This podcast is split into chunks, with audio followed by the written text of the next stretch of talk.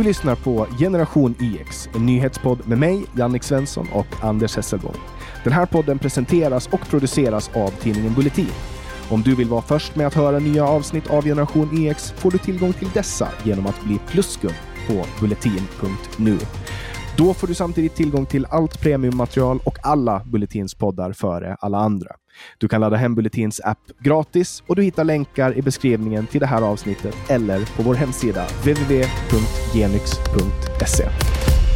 Yes, och välkomna då till ytterligare ett avsnitt av Generation YX. Och den här veckan så sitter jag och Anders på Rickard Axdorfs gård precis utanför Örebro. Vi har just ätit lite middag. Vi har ätit Highland Cattle djur som jag fick av Hadnes Jonas. De har nyligen slaktat och eh, nu sitter vi här och vi är mätta och belåtna. Och det här är som ni hör ett specialavsnitt. Välkomna hit Per-Ola och Rickard. Tack. Tack. Jag vill berömma både värdskapet och maten. Det här är överväldigande för mig, verkligen. Ja, sen har vi ju också, eller ni måste jag ändå säga, för jag har inte gjort det, ni har inmundiga åländsk öl, alltså eh, stallhagen. Honungsöl, ja. Mm. Ja, stallhagen. Hemskt gott. Bland Mm. det bästa jag har druckit. Mycket. Och nu gör vi ju det här för att tanken var att vi skulle spela in ett avsnitt, jag och eh, Anders, eh, när jag ändå var i Örebro. Och, och sen då ha, har ju Rickard Axdorff och Per-Ola Olsson blivit värvade till Bulletin där de ska göra en podcast som heter Bondepraktikan. Tanken var att, att ni skulle spela in den i svinstian men, nu har vi suttit, men nu har vi suttit här så länge så att vi tänkte så här, ja men vi kan väl alla så här bara sätta oss ner och så gör vi en podd tillsammans så har vi det överstökat. För vi, jag och Anders tänkte ändå smita iväg och göra den. Men vi kan väl börja lite med att låta er berätta, vad, vad är Bondepraktikan och hur, vad, vad kommer, vad kommer uh, Bulletins lyssnare och poddens lyssnare att få höra i den? Ska du börja Rickard så kan jag Ja. fylla i. Jag, jag säger någonting klokt och sen kan ju du typ bryta sönder mig Säger du någonting Ja. klokt så är det förmodligen så att du citerar mig. Ja, så kan det vara. Nej men alltså bo- bondepraktiken handlar väl på något sätt att på ett trevligt, gemytligt sätt, lite roligt, försöka arbeta med folkbildning om vad vi pysslar med på landsbygden till de som kanske undrar vad vi gör på landsbygden. Så att vi, vi, vi hoppas kunna få lyssnare som tar till sig ett och annat om vad vi gör. Så tänker jag. Tänk, tänker du någonting på vad vi egentligen vill? Djup suck där från Per-Ola. Ja, en väldigt djup suck från mig. Alltså vad vi vill. Ja. Du, du, du låter precis som att jag planerar. Alltså min impulskontroll är ju inte direkt känd. Nej, den är det väl inte. Men vi, vi, vi vill på något sätt krypa in i vardagsmänniskans medvetande så att de på något sätt Ja. Tycker att det här med, med landsbygd inte är så himla tokigt ändå. Nej men lands, alltså landsbygden är inte så himla tokigt och framförallt så är landsbygden en- betydligt mycket större än vad vi ofta får ges sken av. Men mellan 20, beroende lite på hur man räknar, så är ändå en, runt en femtedel, en fjärdedel av Sveriges befolkning bor på, på landet. Mm. Jo men precis, så ska man titta på något sätt på, på det redaktionella materialet som sprids runt om i landet så vet vi ju att utav journalistkåren så bor 50% i Stockholm. Eh, hälften utav den andra 50% bor i Göteborg eller Malmö vilket gör att 75% av journalistkåren bor i någon av de tre största städerna. Och de övriga 25 procenten som på något sätt finns kvar ute på landsbygden, de vill bo i de andra tre städerna. Vilket gör att vi har ett demokratiskt underskott ifrån landsbygden vad det gäller just att nå ut med information. Jag är väldigt förvånad över att du misslyckades med att påpeka att påfallande många av dem även verkar rösta på Miljöpartiet. Ja, Alltså nu, nu måste jag faktiskt stoppa er och bara fråga vad ni håller på med. Alltså i podden då, som Bulletin, um, ja, det är jag som är producent, där pratar ni ju med bönder på bönders vis. Alltså ni sitter ju Mm. och svär och nu helt plötsligt så, bara för att ni sitter här och pratar med mig och Anders, så, så är ni helt plötsligt diplomatiska. Men va, varför var det viktigt att påpeka att de är miljöpartister?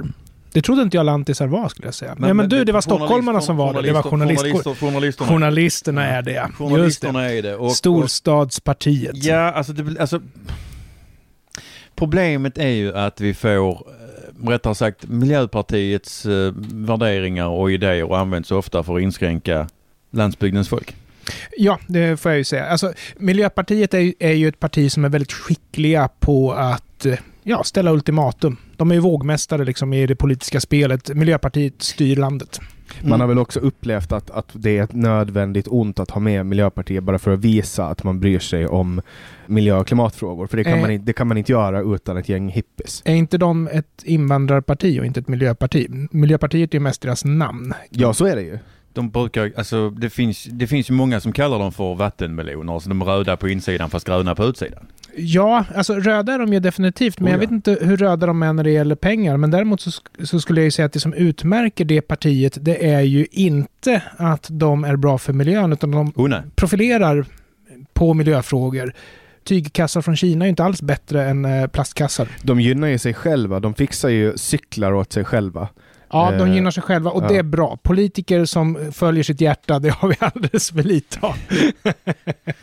Så vi väntar bara på en moderat som typ fuskar med tv-licensen. När på den tiden det fanns. Jag ja, det finns ju inte vad tror att vi har sett det också. Vi har ju sett det. Men då blev det ju ett ramaskri. Jo, men det är ju skillnad. Jag, jag menar, eh, och jag tycker att Miljöpartiets eh, miljöstrategi, antingen så handlar det ju om att det ska vara alternativt när det gäller energi eller sådana saker. Eller så är det så att om du har någonting, tillsätt el så blir det miljövänligt. Elcykel. Mm. Ja, alltså för en vanlig cykel är ju inte miljövänlig. Elbil. Nej, nej precis. En vanlig cykel, den, den bränner ju griskött liksom. Ja, men det var ju som den här elcykelssubventionen som de hade. Vad kallar de det? Elcykelmiljarden eller någonting. Det var en jätterolig historia om den. Ja, men alltså så här, jag bodde i Stockholm då när de det körde den. Också. Ja, men och då var det så här, ja men då cyklar de runt på sina elcyklar, men jag tror inte att det gynnar landsbygden så mycket. Nej, jag var moderator uppe i Jämtland på en mässa eh, och eh, då var det inbjudna ett antal politiker och vi skulle prata om lite allt möjligt som har med landsbygd att göra. Och en av frågorna som jag ville prata om det var ju att eh, just elcykelsubventionerna, det var en och en halv miljard och samtidigt så brann typ he hela Norrland. skogsbränder överallt och vi hade då inte råd att ha brandflyg för det skulle kosta en och en halv miljard. och då vill jag ställa de två sakerna emot varandra och den lokala Men då är det ju, ras det är ju rasistiskt att göra så. Ja, den lokala sossen vägrar att komma om vi inte strök den frågan. Eh, vilket jag ju då sa att det är klart att vi stryker frågan och sen när de väl var på plats så tog vi naturligtvis upp frågan i alla fall. Vad var svaret du fick då? Åh, oh, han var jättearg. Men svaret var ju att eh, det var olika kasser, typ. Ja, det är klart ja, men, att det var olika kasser. Politikernas jobb är ju att prioritera kassorna. Mm. Det är det som är deras jobb. Ja, ja, jag är med dig. Ja. Jag är med dig. Jag tror att vi är ganska överens här, men det finns ju, alltså de som bestämmer har en helt annan uppfattning. Ja, de är väldigt överens med sig själva. De, jag är överens. Vi har faktiskt en av de grejerna vi ska prata om idag som har precis med den här politikerkorruptionen att göra. Men jag vet inte, du får väl höra om du är nöjd med introduktionen av herrarna nu eller? Ja, alltså den här podden eh, den produceras av mig och kommer att släppas på Spotify och eh, på Bulletins hemsida då sju dagar före den kommer ut för allmänheten. Och om ni är intresserade av att läsa mer om, om bondepraktikan så kan ni hålla ögonen öppna. För det kommer att komma mycket, mycket snart inom kort. Men Anders, du hade någonting du ville prata om? Ja, eftersom ni servade ämnet så bra, vi hade ändå tänkt att nämna det här och det är ju nämligen i Malmö där vi har, eh, det är ju socialdemokratiskt styre där. Och där har det uppdagats att man har alltså, vad ska man säga, privata domstolar som löser egentligen konflikter ja, det är ju hederskultur skulle jag egentligen säga. Och eh, det här har ju förfärat de kommunalpolitikerna något enormt. Att hur kan det vara så här i Sverige att vi har hederskultur och alltihopa? Men så visade det sig att eh, de här politikerna har inte varit helt ärliga därför att det har eh, uppdagats att de kände till att det här fanns. Varför har ni inte gjort någonting åt det här? Grupper av människor mm. som, som kommer från samma land som har egna rättssystem, parallella rättssystem vi snackar om. Och svaret, kan ni tänka, det är att det skulle ju vara politiskt självmord för en politiker i Malmö att försöka grotta i problemet med hederskultur. Då är ju frågan, tycker Socialdemokraterna att folkdomstolar är bra eller är de ögontjänare? om jag nu får lov att säga någonting att det handlar om folkdomstol, eller alltså saken i sig, utan det handlar ju om att Socialdemokraterna de vill ha makt. Och de har, alltså jag tror inte de har några problem, eller de har inte haft det innan, att kasta vem som helst under bussen. Till exempel de som nu kommer, kommer eh, i kläm i vad vi förmodligen kan anta är inte helt seriösa prövningar. Du, eh, jag tycker att du sätter tummen på ögat här, eller vad heter det? Jag får alltid skit för det här. Näsan på pekfingret där. Men det är tummen, Fingret på fingret på spiken. Ja, Huvudet på spiken. Huvud- Huvudet något. på fingret på spiken. Därför att det är ju makten framför allt där. Och det är ju så, vinnaren skriver historien. I Sverige så har socialdemokratin vunnit. Den saken är klar. Det är därför som man säger att fattiga personer mår bra av att bli beskattade. Det är därför vi säger att Systembolagets spritmonopol är bra mot alkoholism. Alltså, vinnaren skriver historien. Det här är bara ytterligare ett exempel på det. Men någonstans så undrar jag faktiskt så här, okej, men om vi nu ska vara problemlösningsorienterade. Nej, vi ska bara kommentera nyheter, men shoot! Ja, nej men någonstans sådär. Vi har inga Ja, lösningar. men, eh, Vår enda lösning är lägg ner Nej public men om, service. om, eh, eftersom vi ändå tillhör banjohögen där vi löser problemen. Det är det Per-Ola och jag gör. Så undrar man så här, men okej, eh, om de nu har folkdomstolar eh, bland romerna så blev det bättre eller sämre än alternativet i sådana fall? Ja, du menar att eh, det offentliga ska avgöra tvister? Ja, nej men löste de problemet? Ja, ja, det är ja. jag De löste på. problemet. Eh, Det här handlade om ett sexuellt övergrepp. Och eh, den anklagade personen bedyrade sin gudstro och sin oskuld. Och efter att ha, ha bedyrat de två tingen så bedömde domaren att han är en eh, gudfruktig man och således oskyldig. Ja, det låter ju som rätt, rättsskipning alla 1400-talet. Ja, typ. så. Å ena sidan så blev en ung flicka och eh, hennes familj utstött. Å andra sidan så försvann en konflikt. Så på sätt och vis funkar det ju. Men är, är vi inte alla ganska gudfruktiga män? Inte jag. Det är bara vi här. Ja. Det, det är ni lantisar Det- det- ifrån bondepraktikan. som- Mm. Alltså jag läste en så jävla konstig grej. Alltså ni vet ju det här med att Aftonbladet ibland lägger ut så här att någon har blivit dåligt behandlad någonstans eller typ så här de har fått någon så här tand i hamburgaren eller något sånt på McDonalds. och nu så var det så här på, på Aftonbladet så hade de laggat upp, lagga, langat upp en artikel då Ronja 24 nekades jobbintervju på grund av sina läppar. Och då var det, då var det alltså en chef som, som hade skrivit så här då. Av ren erfarenhet så har vi bestämt oss för att inte anställa någon med konstuppblåsta läppar. Erfarenheten är att en sådan person inte tar jobbet på allvar. Ingen arbetsmoral. Du, jag visade det där Jag visade det där för frugan och hon sa att ja, men den där chefen är en idiot. Det är klart man inte vill anställa henne, men man hittar ju på något annat. ja, men, det, men alltså, fortsatt han. Dessutom är det bara läpparna man ser. Det blir oseriöst och det blir svårt att ta in helhetsbilden när någon hela tiden putar med läpparna. Alltså tänk att man, man året är 2021 och en, en chef har missat att man inte kan skriva så här. Alltså, eh, jag, jag menar, det, det ironiska det är ju att eh, alltså, om jag har ett eh, hakkors tatuerat i pannan så kanske det säger någonting om mig Ja, det säger åsikter. att du är Charles Manson. Ja, det, det säger att jag är Charles Manson. Och så, så jag menar, chefen har ju rätt. Men jag menar, ge bruden en chans ändå. Och dessutom, skulle det verkligen vara så att de där läpparna är ett så stort problem att du anser att det skadar en företagsimage. Jag menar, personer som är tatuerade i hela ansiktet står inte och frontar kunder i en butik. De jobbar på lager. Nej men det kan hända. Jag har sett folk med tatueringar. i Det ansiktet. kan hända. Och jag menar, chefer står i sin fulla rätt att chansa och ta in någon. Ge tjejen en chans. För chefen kan ju ha fel. Jo men, hon ska däremot- flyttstäda. Ja, hon ska flyttstäda. Det- Men däremot är det ju så att jag förstår ju chefen, självklart. Nej men sluta, det kan du, du kan ju inte säga att du förstår chefen. Jo, jag förstår chefen. Hur kan, men på vilket sätt så här, alltså så här, okej, du kan tycka det, du kan vara så här jättegammalmodig och tro att, eh, att en person som fyller läpparna på något sätt har mindre arbetsmoral än andra. Ja, det var väl det det kokade ner till. Det var det som var men, påståendet men, här. vad, vad, fick, vad, vad hade han för hjärnblödning när han bestämde sig för att skriva det här till henne? Ja, hon tror jag det var. En man känner sig väl knappast inte hotad av en tjej som eh, sprutar in saker i Nej, nej, läpparna. men det var en- det är klart att det var en kvinnlig chef. Nej nej, chefen var en man. Var det en man? Ja. Ja, fan, när jag börjar män bry sig om kvinnors utseende? Nu helt plötsligt vänder jag. Chefen har fel. Okej, nej jag utgick ifrån att det var en Ah, ja, man. Ex- Jag håller med Anders där. Alltså, Ja. alltså jag drar in magen mest när det finns, alltså så män kan konkurrera om min plats, inte för kvinnorna. Nej, alltså, och jag skulle ju säga allt det här när det gäller vem som gnäller på eh, Hennes och Mauritz skönhetsideal när eh, Anna Nicole Smith sitter på väggen. Mm. Mm. Det är ju kvinnor. Det är inte Ja. män som gnäller. Nej men alltså, jag, nej, men, uh, ja, det står ju Men- inte heller. Alltså men- jag bara utgick från att det var en Men man. alltså hur stora var läpparna egentligen? nej men Nej, inte var de alltså, stora. Med, Ko- med moderna mått mätt inte särskilt stora. Helt... Hon ser ju snäll ut. Ja men man, Ja. alltså det är så här, jag, jag tycker, jag, så här, Mm. jag skulle inte ha en, så här, ja, men alltså det enda jag inte skulle vilja att flyttstäda väl var väl någon med ett hakkors i pannan. Men min, men min poäng är ju att chefen har sett den här kvinnan, ser vad hon signalerar ut och drar sina egna associationer till det. Precis som någon annan skulle göra med en annan symbol synlig Ja, men sen att chefen skriver det här till men vad, Ja, men det är ju det som är felet! Men alltså, Ja. de var ju inte ens i stor, alltså menar, det var liksom inte, alltså menar, alltså, när ni beskrev det så såg jag ju för, alltså, framför mig liksom bara typ ett par stora läppar som gick. Ja men alltså, alltså någonstans, alltså, bara fan har hon blivit biten av en in, Du, du varnade insekt, mig om liksom. din dåliga impulskontroll, men nu berömmer jag den om du trodde att vi beskrev liksom värsta. Nej, men, men alltså tror Ja men du... alltså jag, det trodde jag verkligen, alltså liksom alltså, så att folk gick runt och trodde att hon hade liksom så här, någon form av allergisk reaktion.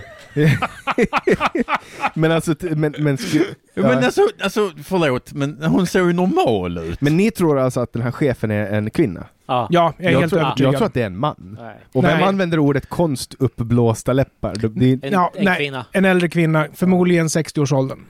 Det är Ja. vad jag gissar. Jag, Ja. jag tror inte att män är så här jävla ytliga. det är ju här i Örebro det här Alltså min, min mor som var verksam inom Lottakåren i större delen av hennes liv, hon förklarade för mig att, eh, och hon var en klok kvinna, vill jag tillägga. Får jag inte säga det här nu? Per-Ola Jo, jo, jo, jo, jag vill höra, berätta, Ja, berätta. Jo, nej, men hon, hon sa att det finns en anledning till att Lottakåren inte är beväpnad. För då hade de skjutit varandra hela bunten. eh, så att jag tror definitivt faktiskt att det är en kvinna. Vi stänger ämnet Jannik och går vidare. Ja, vad är nästa ämne?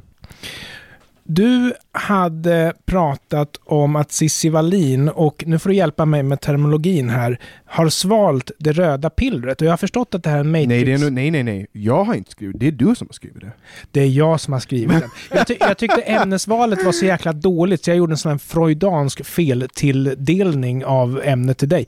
Ska vi skita i den? För jag ska i ärlighetens namn säga att jag tycker inte Cissi Wallin har svalt det röda pillret. Det här är en Nej, referens här, till Matrix. Det, det, det är Cissi- ja. Alltså, röda pillret betyder att man börjar se sanningen så som den är. Det blå pillret betyder att man jamsar med i eh, de påstådda uppfattningarna om verkligheten som alla har som ändå är felaktiga. Säg. Mm.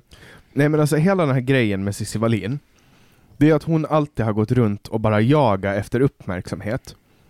Och nu, nu, nu frågar Rickard vem Cissi Wallin är. Ja. Han frågar Per-Ola i bakgrunden, så här, vem är Cissi Jag Wallin? fick, jag fick inget svar heller. Nej men okej, Cissi Wallin var ju, en, eller är, hon är en reporter. Som typ, helt plötsligt så börjar hon Alltså hon börjar ju under metoo så börjar hon våldtäktsanklaga Fredrik Virtanen. Som hon har jobbat tillsammans med. Ska vi pipa det eller ska vi ha med namngivningen? Ja, men han, det har gått igenom så många processer. Okej, att då piper vi inte det. Och så blev han friad från det då. Och, och hit och dit. Och hon blev dömd för förtal mot honom. Sen är hon, hon är typ så här världens största rättshaverist. Hon och åker runt och liksom startar massa projekt som hon inte avslutar. Och hon har så här, hon kan liksom inte följa någon form av rationellt argumenterande. Hon är liksom helt, ja men helt så rabiat på riktigt. Den lilla detaljen är frustrerande. Att försöka prata med personer som inte kan följa logiska resonemang. Nej, Förlåt men- att jag bröt in. Nej men alltså det, är- hon är fullständigt olog. Det är, hela hennes väsen är fullständigt irrationellt. Och nu har hon då vänt på sina följare och bara ah, men jag har drevat, alltså, Det var ju hon och Elaine Eksvärd som drog igång den här eh, drevet mot Mr Cool. När han skrev den här låten. Kommer, kommer du ihåg det Rickard? Mm. Och så. Och nu har hon bara, och nu, och nu helt plötsligt så ångrar hon det. För att nu märker hon att nu håller det på vin- vänder. Hon får inte tillräckligt mycket uppmärksamhet. Så nu kallar hon sina egna följare för sekt. Så hon vänder liksom på, hon vänder sig och pissar på de som har liksom byggt upp henne. Bara för att det passar henne liksom. Jag har ingen Helt kommentar på det. Jag, jag vill höra vad bönderna säger om jag ska vara ärlig. Ja. Jag läste någonting om Cissi Wallin häromdagen. Ja, jag känner också det där, att jag har läst någonting. Alltså mitt, mitt, eh, vad ska jag säga, min, mitt kunskapsläge i det här är ytterst schematiskt. Men alltså som jag uppfattat det så var Cissi Wallin sur och arg och kränkt och kanske inte helt logisk och rationell vilket slutade med att hon, hon åkte dit för förtal och sen typ ändrade hon sig. Men jag tycker inte vi ska prata om det då. Vi, jag orkar inte med Cissi Wallin. Ni orkar inte med Cissi Wallin. Ingen orkar med Cissi. Wallin. Och en grej med den här podden det är ju att jag ska ha snygga segways över då till nästa.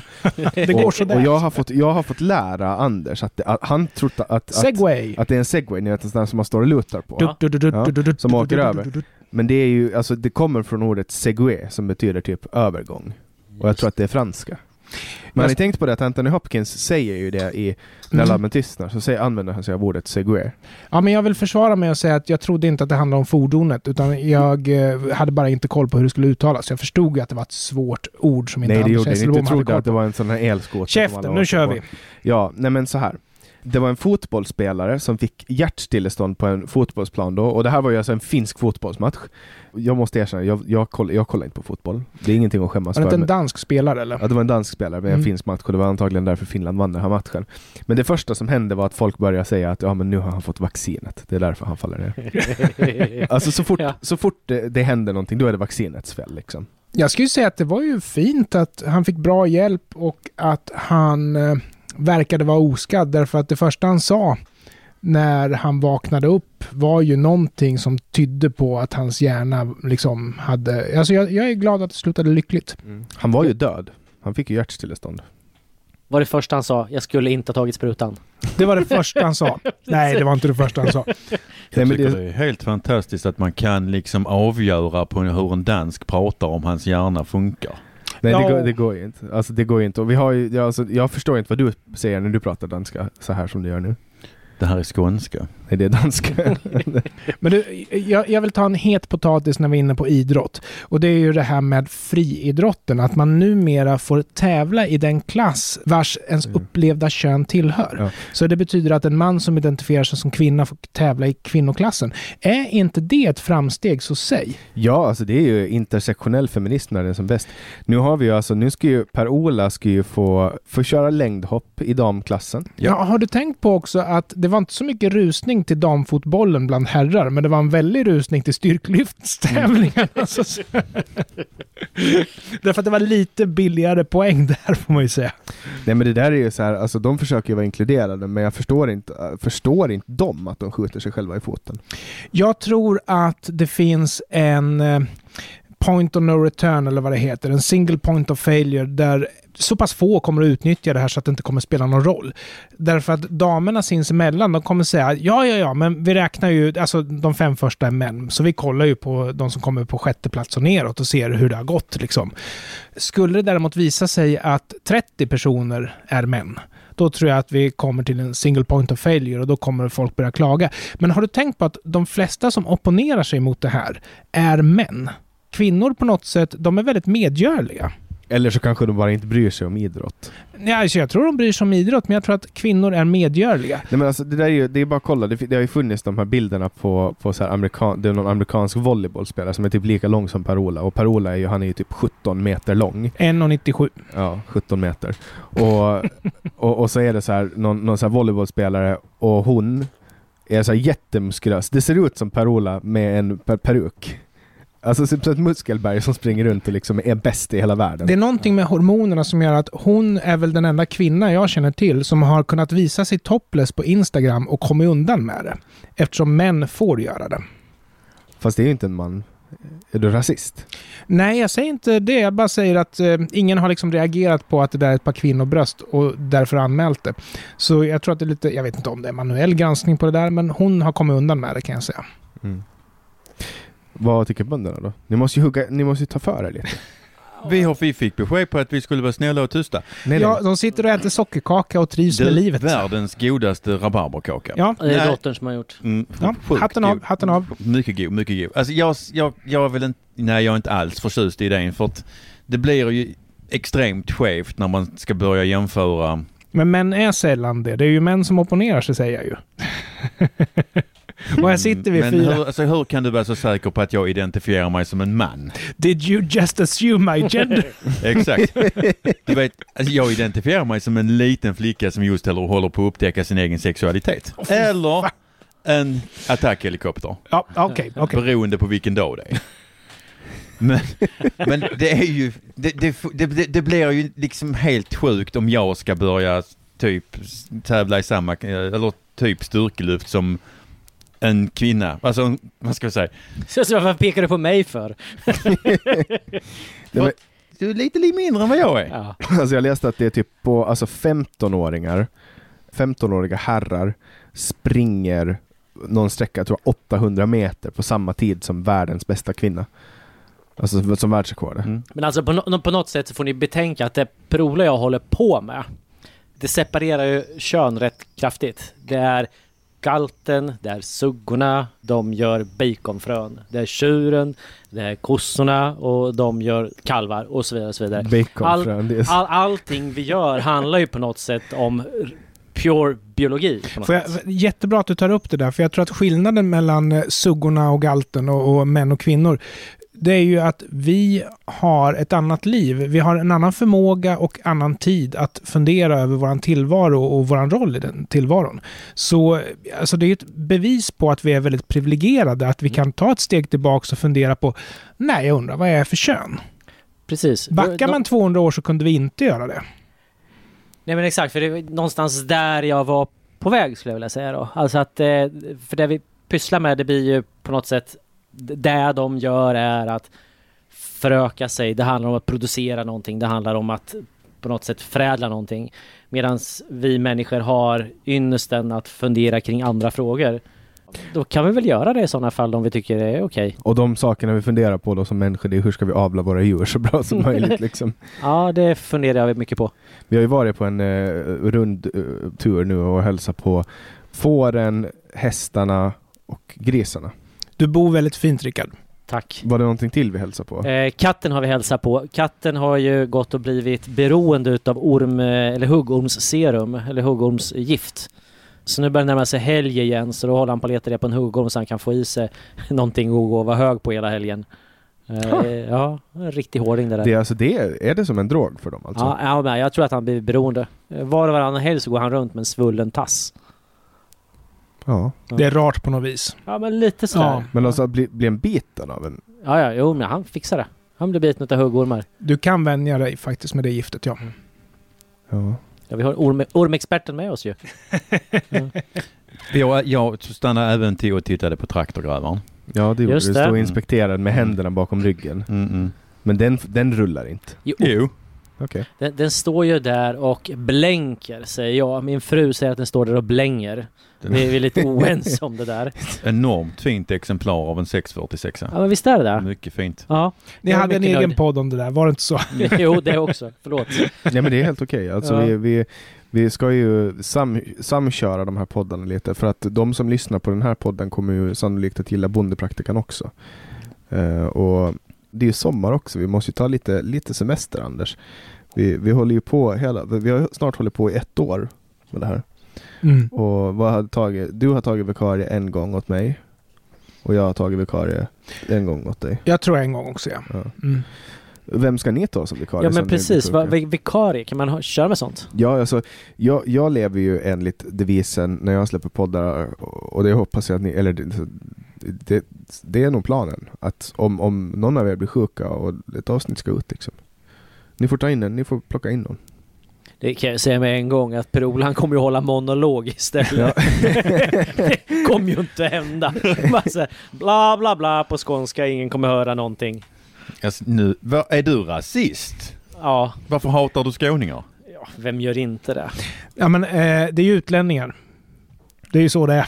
Det håller jag i och för sig med om. Skåne är ett eget land som förtjänar sin egen suveränitet. Alltså nu kommer ju Rickards dotter med ett par glasögon till honom. Ä- äntligen så ser jag er. Ja. Alltså det, för då, er, er som eh, inte ser oss, och det är bara vi som ser oss. Eh, jag sitter och pratar in i en strumpa som luktar lite. Varför det- har ni så snygga puffskydd på? Det måste inte vara prompt vara den strumpan som luktar. Det kan även vara mina. Ja, Ah. för, nej men det, så, vi, det, alltså det var ju bara en slump att, att, att jag har, för jag har ju vanligtvis, det där är ju de mikrofoner, de som ni har nu, det är ju de som är inkörda gamla godingarna.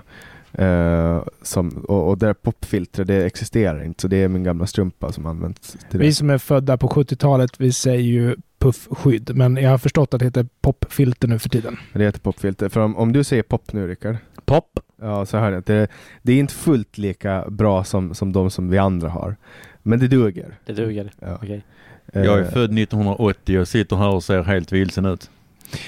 Båda används av sångare för att inte utandningarna som kommer när man säger bland annat P eller F ska in i micken och ge överslag. Ja. Det betyder inte att du ska bara sjunga nu. Nej, och det, det, det är ju också när man pratar. eh, som det ska liksom... Och även när, man, när det blåser ute väldigt kraftigt så kan samma effekt uppstå. Det vill man stoppa. Men, men bondepraktikan har ju funderat lite grann på att ta in eh, gäster och prata med. Brukar ni göra det? Eh, ja, du har, ju, du har ju varit gäst. Var, var är det programmet? Ja. Jaha, är det, är det den podden vi gör? Helt röd. Typiskt. Nu eh, är det ju under tiden som vi inspe- spelar in så har ju vänstern har ju Europa, alltså Vänsterpartiet har ju Europa, vargen kommer nu de senaste prr, sex åren att de ska fälla regeringen och de har ju aldrig gjort det. Och nu säger de den här gången ska de göra det. Så nu har de liksom kört igenom ett misstroendevotum som ska röstas på måndag och det är måndag när, när allmänheten så att säga lyssnar på det här. Vad tror ni att, att det kommer att hända på måndag? Jag trodde först att de bluffade den här gången också. Alltså, är det någonting som man har lärt sig ända in i själen, det är att när en vänsterpartist säger någonting så är det inte sant. Men eh, jag var ju tvungen att ha tvn på medan jag jobbade idag. Och det verkade så på presskonferensen som att hon pratade defensivt ur ett läge som om hon faktiskt tänker rösta för att fälla regeringen. Det som kommer att hända, att de Mm. förhandlar i helgen, kommer fram till att, vad de ska göra och sen så får Stefan Löfven fortsätta. Det skulle förvåna mig om det slutar med att de röstar för. Men eh, den här gången, om någon gång, så kanske Vänsterpartiet har talat sanning. Men med det sagt så eh, blir det inte omval. Men Då så har vi, det men, finns ju inga mandat för att bilda en borgerlig regering, så vänstern kommer ju vinna i alla men fall. vem vet? Vadå? Det, det, det är inte omöjligt att, att KD, SD och M bildar en regering, eller? Nej, alltså, jag tror att det är för få mandat inblandade, för det gick ju inte efter det Men det var ju för att valet. Moderaterna sa att de inte skulle eh, samarbeta med SD. Nej, men jag tror inte Moderaterna tänker samarbeta med SD nu heller. De har varit väldigt tydliga med det. Jag tror att Moderaterna räknar med att precis som Vänsterpartiet är Socialdemokraternas dörrmatta så vill ju Moderaterna ha Sverigedemokraterna som sin dörrmatta. Jag tror det är så. Men däremot, om det blir omval, och det vet vi ju någonstans efter Extra klockan... val heter det Anders, du måste Ja, lära dig rätt tack så mycket. Men det vet vi ju, måndag förmiddag så vet vi ju svaret på det. Och blir det, blir det det, blir det extraval, då kan det ju vara så att högern har fler mandat. Men vi får se, jag tror inte vi kommer dit, men det skulle vara trevligt. Mm, nu är ju, nu är ju uh, sossarnas argument att nej men det är corona, så här, vi, vi ska inte anordna något val. Det är ju det bästa argumentet. Vi kan inte ha demokrati för att det är corona. Exakt. Men har vi inte haft regeringskris i typ snart sju år? Alltså, speciellt den här senaste mandatperioden på tre år har ju varit en väldigt svag regering, ja. Jag skulle vilja kalla det en kris, fast det är kanske mer ur mitt perspektiv. Alltså kris blir det ju först när mandaten inte håller. Så, så Nu däremellan tänk- är det nu bara en tänker svag... du på, på, på, på mandatfördelning, jag tänker Ja. mer på resultatet. Ja, okej. Ja, men då är det ju kris och katastrof, så att säga. Ja, vi är skönt, vi är överens. Men, men någonstans så funderar jag liksom, vi, vi sitter på Axtors veranda och det där det är ju liksom rikspolitik. Det, nu är vi ju i Närke, det spelar sig mindre roll vad som händer där uppe. Liksom, vad, vad händer i Örebro? Hur går det med superbussarna? Det är ju såna här grejer som vi diskuterar här. Ja, det är Eh, så sorgligt att jag inte kommer få rösta i den folkomröstningen eftersom jag faktiskt Men- byter kommun. Vad är superbussarna? Eh, Det är så här att man eh, bygger eh, speciella bussfiler. Och i de bussfilerna ska supersnabba bussar, de kommer gå i hastigheter uppåt 50, rulla. Och eh, man kortar ner restiderna genom att ha färre busshållplatser. Men okej, supersnabba bussar som går 50 km i timmen. Ja, hastigheter om 50 säger vi när det är snabbt. 50 km i timmen säger vi när det är långsamt.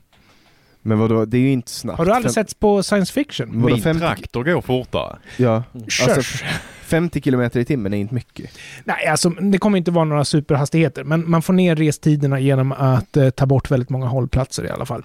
Så att folk får gå längre istället. Ja, men å andra sidan, eh, om jag ska från punkt A till punkt B och eh, slipper stanna eh, flera gånger däremellan så kommer jag ju fram fortare. Jag går gärna ett par meter extra till en hållplats om det skulle vara så. Jag är all in att vi ska bygga de här superbussarna. Eftersom jag byter kommun. Ja. Nej, alltså jag vet inte. Uh, kollektiv... Men någonstans liksom det dit jag ville komma, förlåt att jag bryter Nej, dig. kör, men, kör. men, men ändå, eh, rikspolitiken, ja visst, det, det har inflytande på vad som händer i, på landsbygd. Men de facto så har kanske kommunalpolitiken mer betydelse för vad som händer på landsbygd. Ja, men så säger du bara för att du har något att säga i kommunpolitiken. Alltså om du som Ja, företagare, ju skattesatser, regler, eh, allt sånt, villkoren för företagande, allt sånt, det är ju jätteviktigt. Och eh, man får ju ändå säga att eh, vänstern, de vill ju ha sina röster från arbetstagare eller bidragstagare. Högern vill ha sina röster från företagare. Mm. Och den ekvationen i Sverige som är ett gammalt industriland går ju inte riktigt ihop för högern. Högern måste hitta på någonting om de ska vinna val. Nu kommer de kanske vinna för att de vinner på ett rent missnöje med ett korrupt vänsterläger. Mm. Men det innebär ju liksom sporadiska segrar ibland. Det kan man inte bygga en maktfaktor på. Sen tycker jag att det är bra att man har maktskifte då och då. Men som det är nu så har vi haft en övervikt av vänsterstyre i Sverige. Eh, minst sagt. Jag försöker... tycker jag fick dåligt medhåll ifrån dig Per-Ola om, om eh, landsbygdsperspektivet här. Men jag åker inte buss. Nej, men frånsett det. Jag har körkort! Än så länge. ja. Jag tänkte att du skulle börja prata om regionalisering utav landet. Det hade jag ju sett fram emot en spänstig diskussion kring. Men du ha- hakar inte på det. Du har jobbat för mycket idag, eller vadå? Ja. Ja. Trist. Så jag försöker öppna upp. Jag, jag, jag har en känsla av att de kommer klippa bort det här i alla fall. Jag läste en, eh, en ledare då av Per Gudmundsson Mm. på Bulletin såklart. Där han pratade om arbetslösheten och eh, att, att långtidsarbetslösa har ännu längre då från, från arbetsmarknaden. Det här var ju alltså målet. För att då, alltså, Arbetsförmedlingens eh, dåvarande generaldirektör Mikael Sjöberg sa i april i DN då, eh, citat För att klara välfärdens finansiering behöver vi få hit uppemot 100 000 nya invandrare per år. Och nu har de ju fått det. Och eh, nu har man då presenterat arbetsmarknadsutsikterna våren 20, 2021, vilket då är en rapport från Arbetsförmedlingen där den visar att, att arbetslösheten ökat på bred front. Och det här inleddes redan 2019, men, men det har förvärrats. Bland inrikesfödda, om man kollar på det, om man är, om man är en riktig dödsknarkar-nazist och väljer att titta på inrikesfödda, då är arbetslösheten cirka 5%. Men bland utrikesfödda närmar den sig 20%.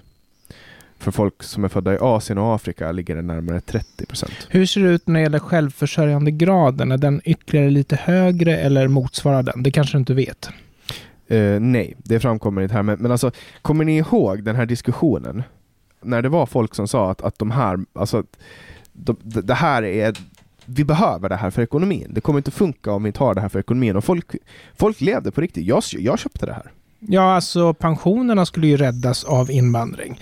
Men det var ju precis det du sa till mig, att man måste ju vara väldigt tydlig med vad man pratar om för invandring. Och som det verkar nu så är det ju så att den invandring som vi har haft i Sverige har inte räddat våra pensioner, utan vi har ju bland den högsta, om inte den högsta pensionsåldern i Sverige och vi har ganska låga pensionsersättningar trots det.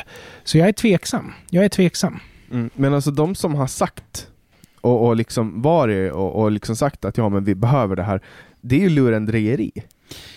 Men nu är jag cynisk igen, men vi har ju, för att återknyta till vad Anders pratade om, om att eh, vänstern de vill leva på eh, arbetare och på bidragstagare.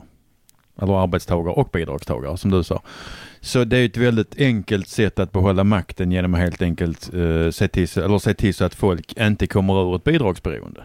För att få dem att rösta, eller? Ja, du får, alltså, om, du, om, om, du ser, om du aktivt ser till så att folk inte kommer ur sitt Mm. bidragsberoende och du serverar dem bidrag och samtidigt som dina politiska motståndare vill minska Mm, bidragssamhället. Så ser du till, menar, genom att hålla dem, dem kvar i fattigdom och bidragsberoende så ser du till att de fortsätter rösta på dig och genom att helt enkelt kasta människor under bussen så, ser du, så fortsätter du behålla makten. Och genom att ha bra bidragssystem som gör att du överlever men inte mår bra av bidrag, då har du ett system som genererar kravlösa pengar. Och det Mm. finns ingenting som alieniserar personer så mycket som budskapet att här får du lite pengar, det finns ingenting du har som vi vill ha tillbaks.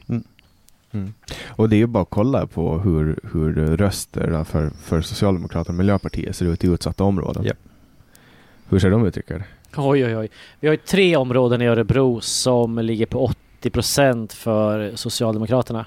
Alltså 80% utav de som borde röstar, eller av de som röstar, röstar på Socialdemokraterna ska jag säga. Men lämnar du Sverige och åker till ett annat land så måste du även som svensk kunna bevisa att du kan försörja dig själv. Mm. Antingen för att du har pengar eller kan generera pengar. Det kommer inte framkalla någon kriminalitet. Det kommer säga att ah, ja, men vill du vara en del av vårt samhälle, det här är våra regler, det här är våra villkor. Man blir liksom man blir integrerad. Mm. Ja, alltså som lantbrukare går det ju inte att flytta. Jag sitter ju fast med massa fast egendom som man inte kan flytta härifrån. Att flytta är ju inte ett alternativ. Nej, många av mina men- vänner, Mm. må- många av mina vänner är ju det ett alternativ för. Ja, att alltså, lämna landet. Det finns många svenska programmerare som sitter i Korea och dricker bärs och jobbar på någon hipster-sajt som har några för få vokaler i namnet. Liksom. Så är det ju. Mm. Och de tjänar ju bra på det kan jag Ja. säga. Vi, vi hade liksom en flyttvåg ifrån Sverige till Amerikat. Den svenska nutidshistorien berättar väl ungefär att det var som nöd och svält och därför så åkte man till Amerika. Men, men liksom, lyssnar man på Hensöborna och läser böckerna så handlar det lika mycket om att eh, man hade liksom sju stycken som bestämde över en och det var liksom ett tjuvsamhälle. Du hade prästen, du hade staten, du hade din herre och så vidare. Så att man var, man var liksom trött på systemet. Ja, Därför drog man över. Och, och när man väl var över så hoppades man på något sätt att även om unge var tillverkad i Sverige så hoppade man på att det inte blev en, med svensk mentalitet utan att det vart en amerikan där liksom frihetsidealen var stora. mm. Ja, du får vifta mindre på huvudet när du pratar. Ja, jag ska försöka. Det är lite svårt. Ja, Jag förstår det. Ja, Men du- hoppas att du- det kommer med. Det, Jag kom, kan- det kommer med, men Jag kommer normalisera det där, så- Ja. men, men det blir lite bättre om du inte... Ja. Men det är för att vi sitter som vi gör lite grann också. Nej, men jag tänker också på, alltså apropå det här med att flytta utomlands.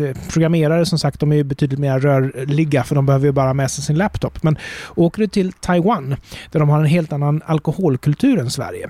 De eh, tar några öl efter jobbet och sen åker de hem på sina motorcyklar. Liksom. Eh, när du hittar de här skabbiga krogarna där det sitter alkoholister så det är alltid västlänningar som har åkt dit och jobbat och inte klarat det här bytet av alkoholkultur så fastnar de där. Ja, nu har vi ju nått, känner jag, kvoten för, för eh, vad vi har på, på listan idag.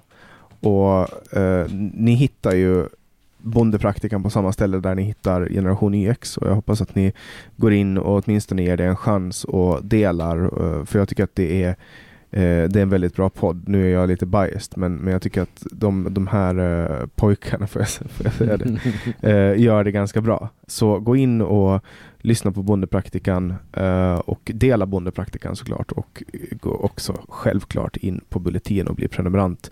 Nu har vi också möjligheten att månadsprenumerera via Klarna och det kan ni göra och det får ni jättegärna göra för 99 kronor i månaden så får ni ta del av alla de här poddarna och inklusive då alltså Bondepraktikan och Generation YX och även min podcast Samtal sju dagar före alla andra. Så stort tack Rickard Axdorff Tack. och Per-Ola Olsson Tack. och Anders. Tack så hemskt mycket. Kul att få vara här igen. Hej då!